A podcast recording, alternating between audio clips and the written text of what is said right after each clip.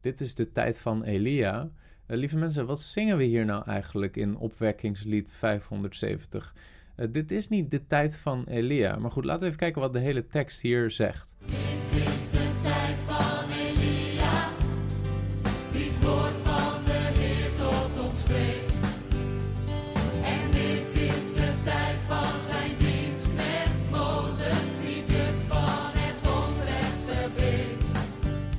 Oké, dus het lied begint te spreken over Elia en over Mozes. En dat wij zogenaamd in de tijd leven van Elia en Mozes. Maar lieve mensen, dat klopt natuurlijk niet. Uh, allereerst, Elia leefde van het jaar ongeveer 900 voor Christus tot ongeveer 849 voor Christus. En Mozes leefde zelfs nog een paar honderd jaar daarvoor. Uh, maar dan zou je natuurlijk zeggen, ja, maar broeder Chris, het is niet letterlijk bedoeld. De schrijver van het lied weet ook wel dat we nu niet leven in de tijd van Elia, maar het is geestelijk bedoeld. Maar zelfs als je het geestelijk zou bedoelen, dan, dan is dit niet echt een logische tekst en ook niet een bijbelse tekst. Uh, in Matthäus hoofdstuk 17, vers 1 tot 6, daar vinden we Mozes en Elia. Uh, en wel op dezelfde berg als waar de Heer Jezus met drie van zijn discipelen zich op dat moment bevindt. Dan lezen we, na zes dagen nam Jezus Petrus en Jacobus en Johannes zijn broer met zich mee en bracht hen op een hoge berg, alleen hen.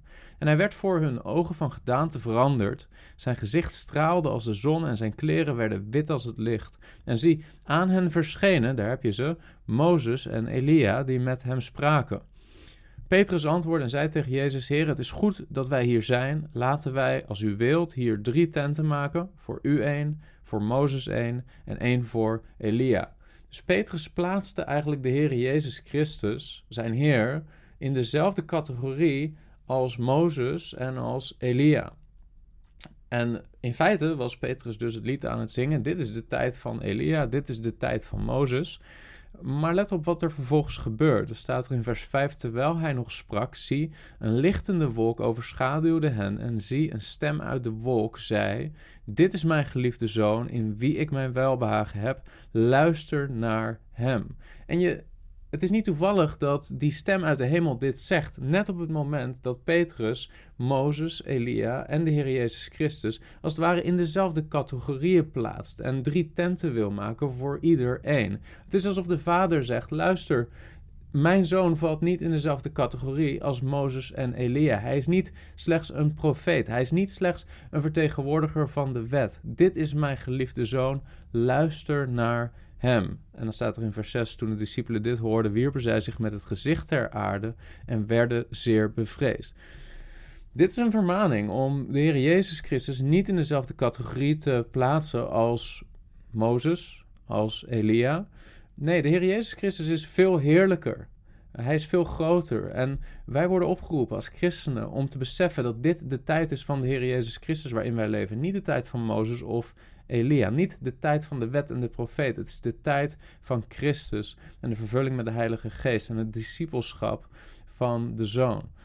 Um, het verbaast me dat we in de kerken van vandaag de dag zoveel liederen zingen die op zich wel goed klinken en op zich wel een mooi ritme hebben en wel catchy zijn en in je hoofd blijven hangen, maar waarvan de teksten vaak theologisch gewoon niet helemaal kloppen of uh, niet de juiste boodschap uitdragen, niet hetzelfde onderwijs bevatten als het Nieuwe Testament.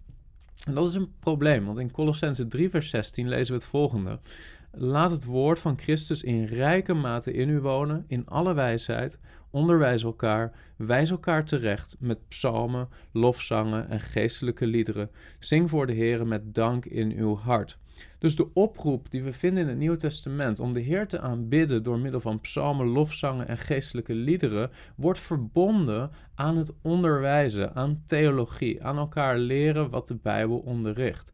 Het is dan ook bijbels om te zeggen dat de liederen die we zingen in de kerk niet alleen maar uh, muzikaal goed in elkaar zouden moeten zitten, of misschien is dat helemaal niet iets wat we zo belangrijk zouden moeten vinden, maar vooral theologisch goed in elkaar zouden moeten zitten. We moeten vanuit onze liederen elkaar kunnen onderwijzen. De persoon die de liederen en de aanbiddingsmuziek leidt in een gemeente, zou in feite gekwalificeerd moeten zijn om ouderling te zijn. Hij moet onderwijzen kunnen door middel van de liederen die hij zingt, door middel van de theologie die hij uitdraagt.